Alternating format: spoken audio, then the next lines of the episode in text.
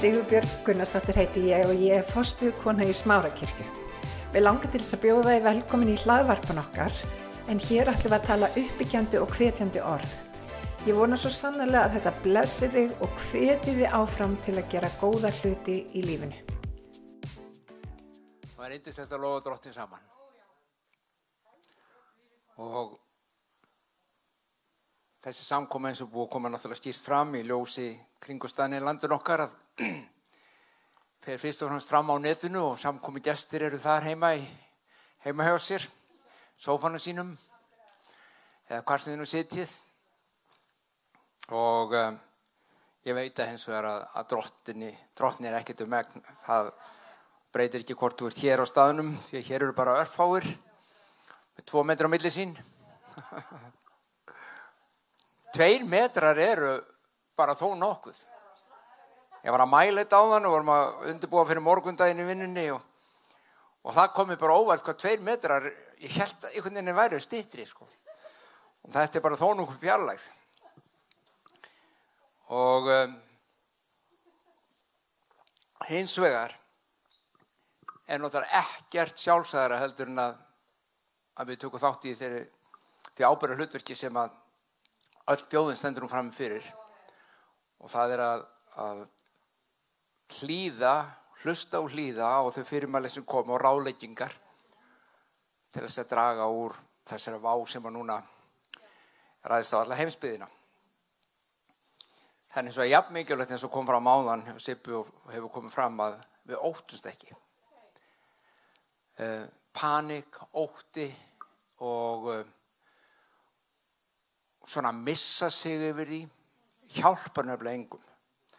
Það þvert á móti lætur okkur líða ver og eigur líkunar á að við gerum eitthvað sem við ættum ekki að vera að gera eða svo framvegs.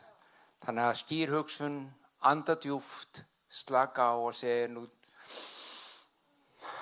tekið bara á þessu sem framöndan er og við sjáum að Guð mun leið okkur líka út á þessum dal eins og öllum öðrum dölum sem við lendum í. Hins vegar langar mig í tengslum við þessa vá, þessa, þessa veiru aðeins að koma inn á ákveðna þætti og, og, og þeim muni sjá það eftir smá stund hvert er að fara með það. Eh, mér hefur verið tíðrátt hér um lögmál lífsins eða lögmál kærleikans og rökinn Eh, fyrir því er, það má lesa í rýtninguna sjálfsögðu alls konar hluti um, um, um hvað Guður sett inn í lífið og, og lögum á lífsins. Það er einn falleg, mjög góð setning, það er margar í biblíunni, en það er einn sem er bara þrjú orð, ég hef stundum minnst á það, millipunta, þrjú orð. Guð er kærleikur og ef að Guði er kærleikur og ég ætla að byggja ykkur um að, að aðeins vera með mig, ég sagði, ég kem að því eftir hvert er að fara með þetta? Um, ef að Guð er kærleikur sjáðu það er eðiljans, hann er ekki bara velur að vera kærleiksríkur eða er kærleiksríkur, hann er kærleikurinn sjálfur. Þegar hann skapar heiminn þar sé við þau okkur sem trúum að Guð sé skapar í heimins og jarðar.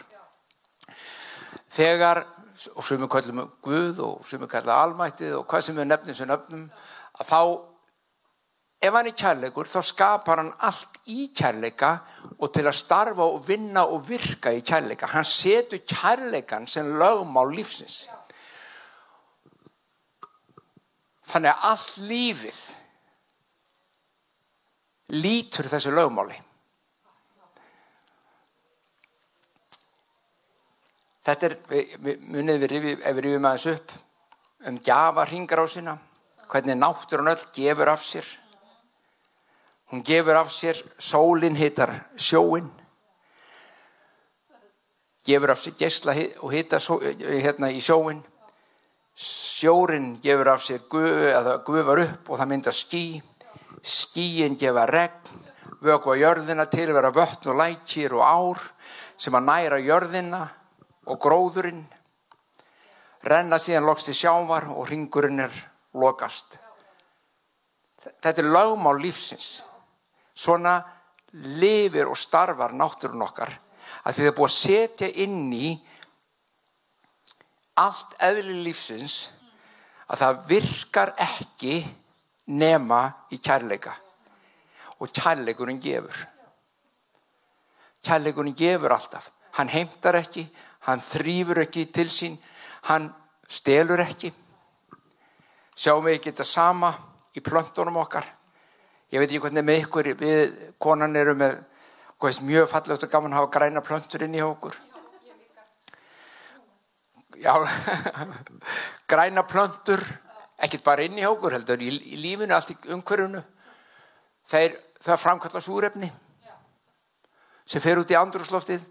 Án þess myndum við hinn sem öndum með lungunum okkar og þurfum súrefnið ekki lifa. Grænar plöntur á jarðuríki gef okkur súrefni sem við öndum á okkur. En veitu þið hvað? Við öndum frá okkur koldvísýring þegar loftskiptir er þessi staði í okkur sem fer út í andrúsloftu og viti hvernig nota það plöndunar það lifi ekki án koldísvirðsins er þurfa koldísvirðingin til að búa til meira súrefni svona er ringgrás lífsins allt í kærleika þetta er gjafa ringgrás og þetta er í samræmi við það að Guðs í kærleikur Staðrindin er nefnilega svo að þegar náttúrann hættir að gefa, þá deyr hún. Þegar hún hættir að gefa af sér. Og frækt er dauðahafið. Dauðahafið í, í Ísrael, það sem rennur í, en ekkit úr. Það rennur reyndar orðið mjög lítið í það, en það rennur ekkit úr því og hefur ekki runnu úr því í lengri, lengri tíð. Saltið sapnast upp lífið, deyr, fiskar og allir þeir sem að taka súrfinnin. Engur bendi mér á það og ég ætla að koma því á eftir. Hvað heldur þið hafi, það er, það er smá dót sem lifir í því. Veirur.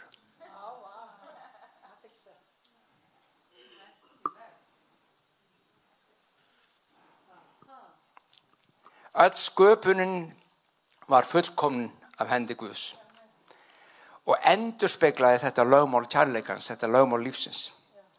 Þegar syndin hins vegar kom inn, þá smitaðist sköpunin. Nú tölum við mikið um smit. Sköpunin smitaðist við syndina. Og þá spyr ég á, nú verið að allt þessi kirkja tala alltaf um synd og eitthvað slúðis. Veitum við, það er, við skulum setja syndina, eða um tala um syndina í samengi við það sem ég er búin að segja fram að þessu. Það er bara allt og algengt að fólk haldi það að Guð sé svona hegðunarlaurugla. Við vorum að veltaði fyrir okkur hvort við ættum að vera með svona tveggjametarlauruglu. Næstu þrjára fjóru vikunar. Einhverja sem passa alltaf upp á það að séu tveir metri á milli manna. Uh, menn hafa gantast með það, ég veit að einna húsumsjónum er nokkur hinn er í bæ hann sagði ég ætla að búa til tveggja metra prigg málaður aukt og svo hei, hei, tveir metrar, tveir metrar. Og stýra. Nei, við verum að treysta því. Það verður engin tveggja metra laurugla til. En það er margir sem alltaf Guð sé svona hefðina laurugla já, já, það er synd að reykja. Það er synd að drekka. Synd að sofa hjá. Það er ekki giftur. Það er synd, það er synd, það er synd. Og svo er þetta allt í svona það getur hvernig þetta er. Það við höfum alveg stöfið það að það sé hegðunin sem sé syndin. Veitir hvað syndin er í ljósið það sem vorum að tala um? Fjarlæð frá Guði og lögmál sjálfselskunar þegar þú rýfur lögmál kærleikans og ferði í lögmál sjálfselskunar því að syndin hún þrýfur og hrýfur til sín syndin er aðskilnaðinu frá Guði. Syndin er umverulega ekki einhver verk hér og þar þó að þau getur verið ljóta vond og séu aflefing ástans. Það er alltaf handlegur. Að þá eru þau, þá syndi fyrst og fremst sundrung frá lögmáli kærleikars yfir í lögmál egósins. Yfir í lögmál sjálfselskunar. Og þetta síkti alla sköpununa um leið og það gerist þá fer Guð að vinna og starfa því að endur vinna eða ávinna alla sköpun og reysa hana við og losa hana við þessa, þetta smitt nákvæmlega sem við erum að gera í dag með veiruna. Það er unni hörðum höndum að losa þessa þjóð, þjóðirnar allar sem hafa orði fyrir smiti við smitið. Við erum þakklátt almannavörnum. Við erum þakklátt landlækni, smitsjúkdumar, lækninum. Öllu því fólki, hjúkurinn og fólki og öðrum þeim, kára og díkút öllum þeim sem er að vinna því að hveða þessa óværu í kútin losa okkur við smitið. Við erum þakklátt Guð mann nákvæmlega sama verk og er enn að vinna það verk að losa mannkinnið jarðríkið við smit sjálfselskunar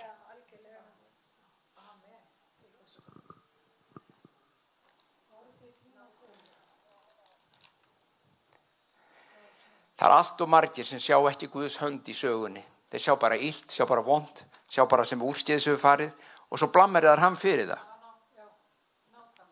Hvað er þessi Guð? Hvað er þessi Guð sem okkur leifur hann allt þetta? Er það ekki rétt? Þetta er það sem fólk segir. Og það blammar að Guð. En sér ekki það góða, sér ekki, veit ekki hvað er umverulega hefugest og ástæðan fyrir öllum sem hlutum. Tökum bara Charles Darwin sem frægur fyrir þróunakenningu og, og, og hérna svona náttúruval, náttúruval sem þýðir survival of the fittest, náttúruval sem þýðir bara það að henni sterku í náttúrunni, þeir hrifsa til sín æti og líf hinn að veikari svo þeir degja. Darwin sá þetta og hann sagði þetta er bara lífið. Nei, þetta er lífið smitað. Hann áttaði sig ekki á því af hverju það var svona. Hann sagði að þau þurfa bara að lifa þetta af.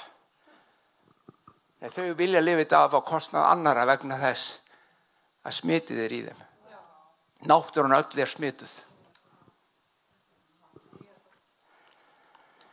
Egoveiran hefur smitað lífið. Í Rómarabrifinu 8.22 segir öll sköpuninn stínur og hefur fæðingarhýðir allt fram á þennan dag. Öll sköpunin stínur og segir leysið mig undan þessu ástandi. Losið mig undan okki syndarinnar. Losið mig undan sjálfselsku veirunni. Losið mig undan. Byrði sjálfselskunar er nefnilega mikil. Og þegar náttúrum var smituð þá rofnaði kærleikast keðja og þannig með þá taktu vel eftir sem við fáum vírusa. Ég þóra fullir það að vírusar voru ekki sem að núna þessir vírusar allavega voru ekki hluti af sköpun Guðs. Og þú segir kannski af hverju? Vegna þess að vírus eins og þessi veira sem við erum með núna Þetta er örstutt, örstuttur erðakóði, pínu lítill, DNA-kæðja eða RNA-kæðja og vitið hvað? Hún getur ekki gert neitt nema að taka til sín. Hún gefur ekkert af sér til náttúrunar, ekkert af sér neinstæðar. Hún finnur sér hísil, hún finnur sér stjæfnið eða mann til þess að koma í og það sest hún að og hún ræðist á frumunar í viðkomandi til hvers? Til þess eins að markvalda sjálfan sig. Ef ekki er gripið inn í, þá verður menn veikir og sum er alvarlega veikir og það getur leitt til dauða eins og við vitum. Þess vegna er starf þess að góða fólk sem er að vinna í landun okkur dag svo mikilvægt. Þess vegna eru við hluti af almannavörnum.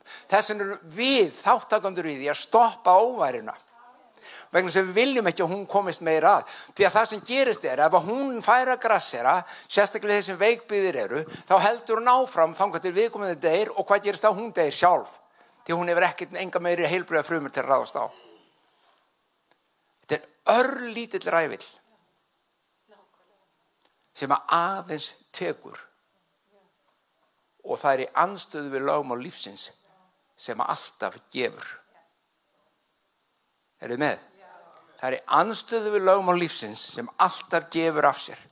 Alltaf.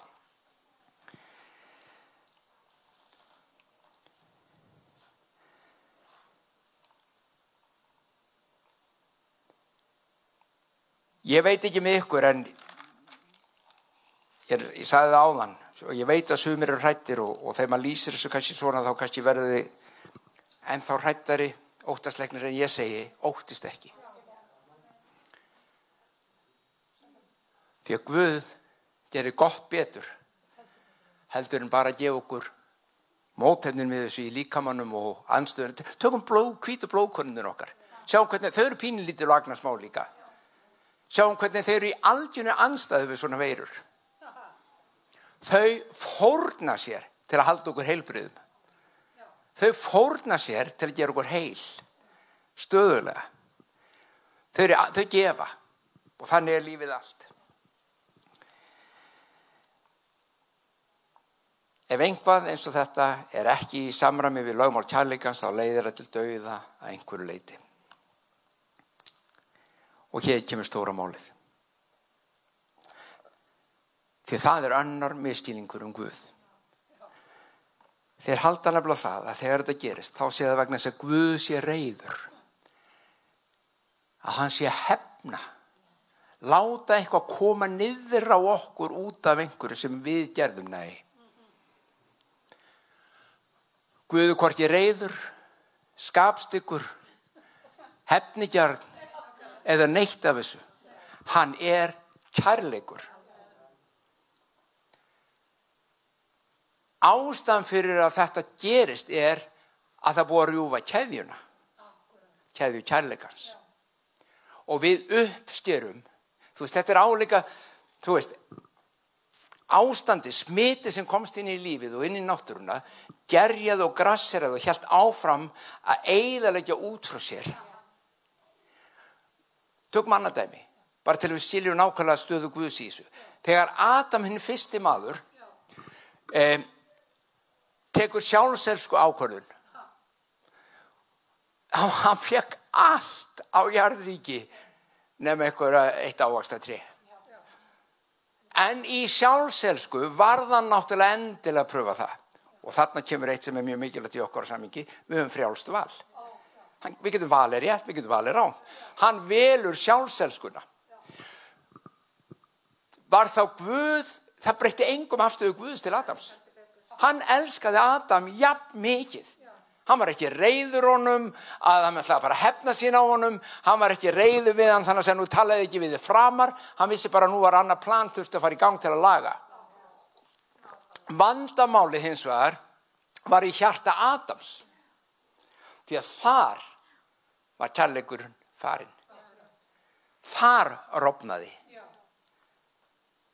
Og hvað gerði Adam? Hann var hrættur. Hann faldi sig og hann kendi öðrum um. Konan sem hún gafst mér, hún fekk mér til að gera þetta. Og hann faldi sig fyrir Guði, hann var hrættur. Þannig að í stað kærleikans kom óttinn.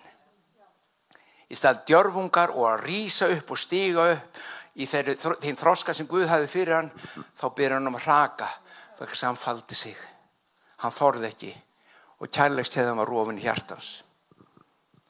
Hafði ekkert með að Guð elska hann ekki lengur, ekki neitt. Hafði ekkert með að Guð var að hefna sína á hann, ekki neitt. Hafði allt með hann að gera.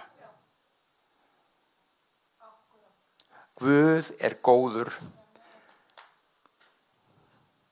alltaf og bara góður. Ástandi í heiminum er aflefing sjálfsælsku smits egósins sem hrifsa til sín í staðis að gefa.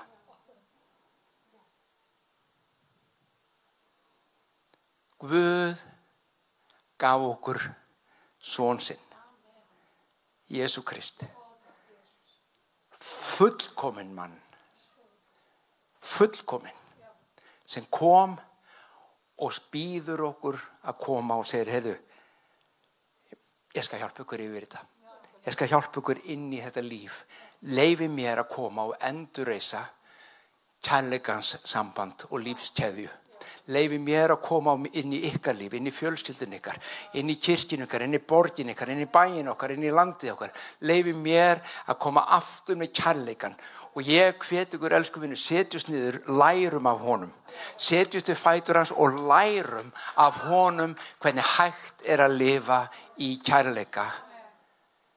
Þannig að lífið fara aftur að fungera eðlilega. Og eins og við öll, takt eftir, þráum. Því allir þrá þetta. Allir menn þrá lífið á þennan hátt. Kristur býður okkur það. Hann er snillingur í því. Algjör. Guð bless ykkur, elsku vinnur, Guð bless ykkur hvar sem þið eruð, verið óhrætt, Guð varveit ykkur, geim ykkur og gef ykkur náð og miskun og innsæg og vístum og ég veit að það gildir að við þurfum að hafa samband það er að hafa samband við okkur á Facebookinni ringi okkur, skrif okkur fyrir bæniröfni hvað sem er Dróttin bless ykkur